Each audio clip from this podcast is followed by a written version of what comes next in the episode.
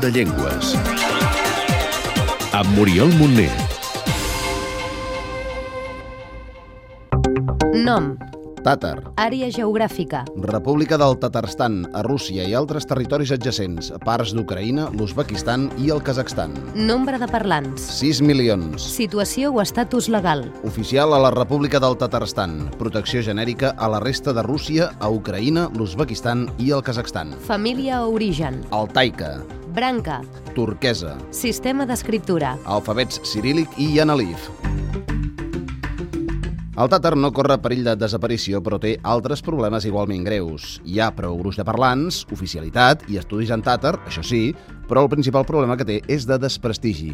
Lília Habibulina, filòloga russa i tàtara. és de poc prestigi. Quan jo vaig estudiar, per exemple, era, si tu tens un accent tàrtar, doncs et miren com tu ets de poble, i, i també hi havia unes escoles, per exemple, on, on la ensenyança era en tàrtar, però uh, després d'aquestes escoles era, escoles era molt difícil uh, entrar a la universitat, La població que parla tàtar viu molt dispersa i això, paradoxalment, ha afavorit el manteniment de la llengua en alguns llocs. És una llengua emparentada amb el turc i utilitza, o ha utilitzat, diversos alfabets al llarg dels segles. Bueno, els tàrtars sempre tenen contactes amb Turquia i semblances i, eh, seria més fàcil tenir alfabet latí, tot i que ara és oficialment és en cirílic. Abans era, a l'inici era en àrabe, després van canviar en latí als anys 20 i després el Stalin va eh, insistir en, alfa, en alfabet cirílic.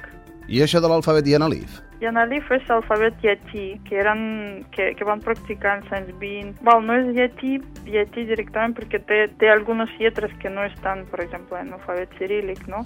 El tàtar té tres grans dialectes, tots intercomprensibles. El tàtar de Crimea, que hi ha qui el considera una altra llengua, també s'entén però amb més dificultats.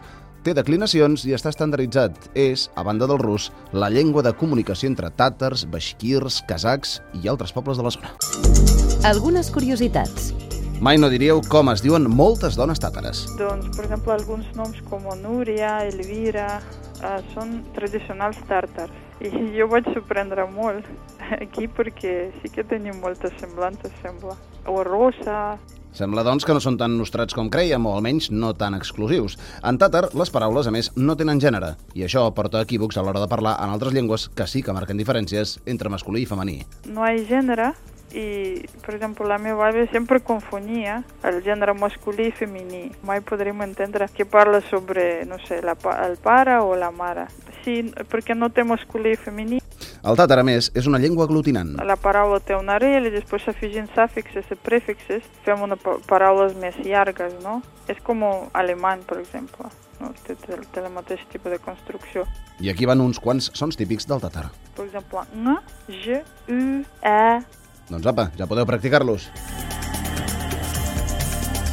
quatre pinzellades de la llengua, Sentim com sona la llengua i tots aquests sons. Com es diu hola i adeu al Tatarstan? salam i saubul. Bon dia, Hayırlı irte, bona nit, hayırlı kiş, i ara sí i no. ayı, yuk, Gràcies. rahmet, Comptem de l'1 al 10? 1, 2, 3, 4, 5, 6, 7, 8, 9, 1 I una mica de propaganda en tàtar. escolteu el programa Do de Llengües cada setmana a Catalunya Informació. Kun сайын Каталония радиосында телдәр сәләтләге тапшыруын танлыгыз. Per saber-ne més, Podeu visitar els webs linguamont.cat, etnolog.com, gela.cat, linguislis.org i omniglot.com i també facebook.com barra do de llengües. Cada cop que desapareix una llengua, perdem una manera d'entendre el món, una manera de viure'l i de descriure'l. Cada cop que desapareix una llengua, ens fem més pobres, més homogenis i perdem una oportunitat d'enriquir-nos amb l'aportació de l'altre. aquest espai es fa amb el suport de Linguamont, Casa de les Llengües.